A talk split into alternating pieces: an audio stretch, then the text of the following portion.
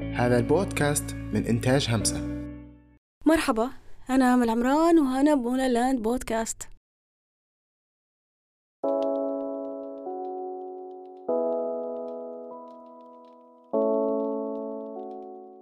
قهوتنا مع عبد الله الناصر. كم مرة سمعت الجملة الكليشيه القهوة تاريخ.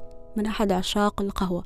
وكم مرة انتابك الفضول والاستغراب عن سر هذا العشق المبالغ فيه.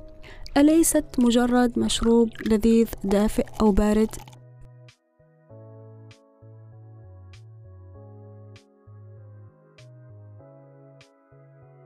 ما كل هذه الدراما؟ ما رأيك بجولة قصيرة خلال 200 صفحة ويزيد؟ يأخذنا عبد الله الناصر في رحلة عبر عالم القهوة. فبعد وصية البن وحقيبة جالفير ينقسم الكتاب إلى سبعة أقسام.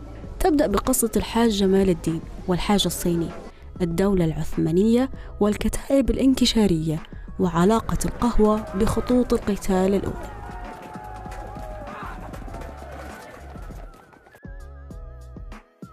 ثم ينتقل بك إلى ترحال هذه البذرة حول العالم بطرق مختلفة ككنز ثمين قد يهرب أحيانا من مخا اليمنية إلى بقاع الدنيا. ستصيبك الدهشة بالعادة ستين وعلاقته بمعزوفات عالمية مرتبطة بالقهوة.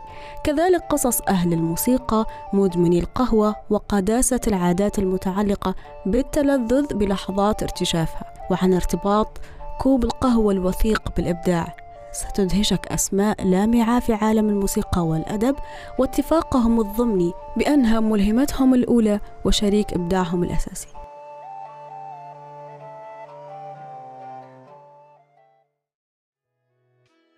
للمرأة أيضا حصة في هذا التاريخ مثيرة للاستغراب والتساؤل والضحك أحيانا.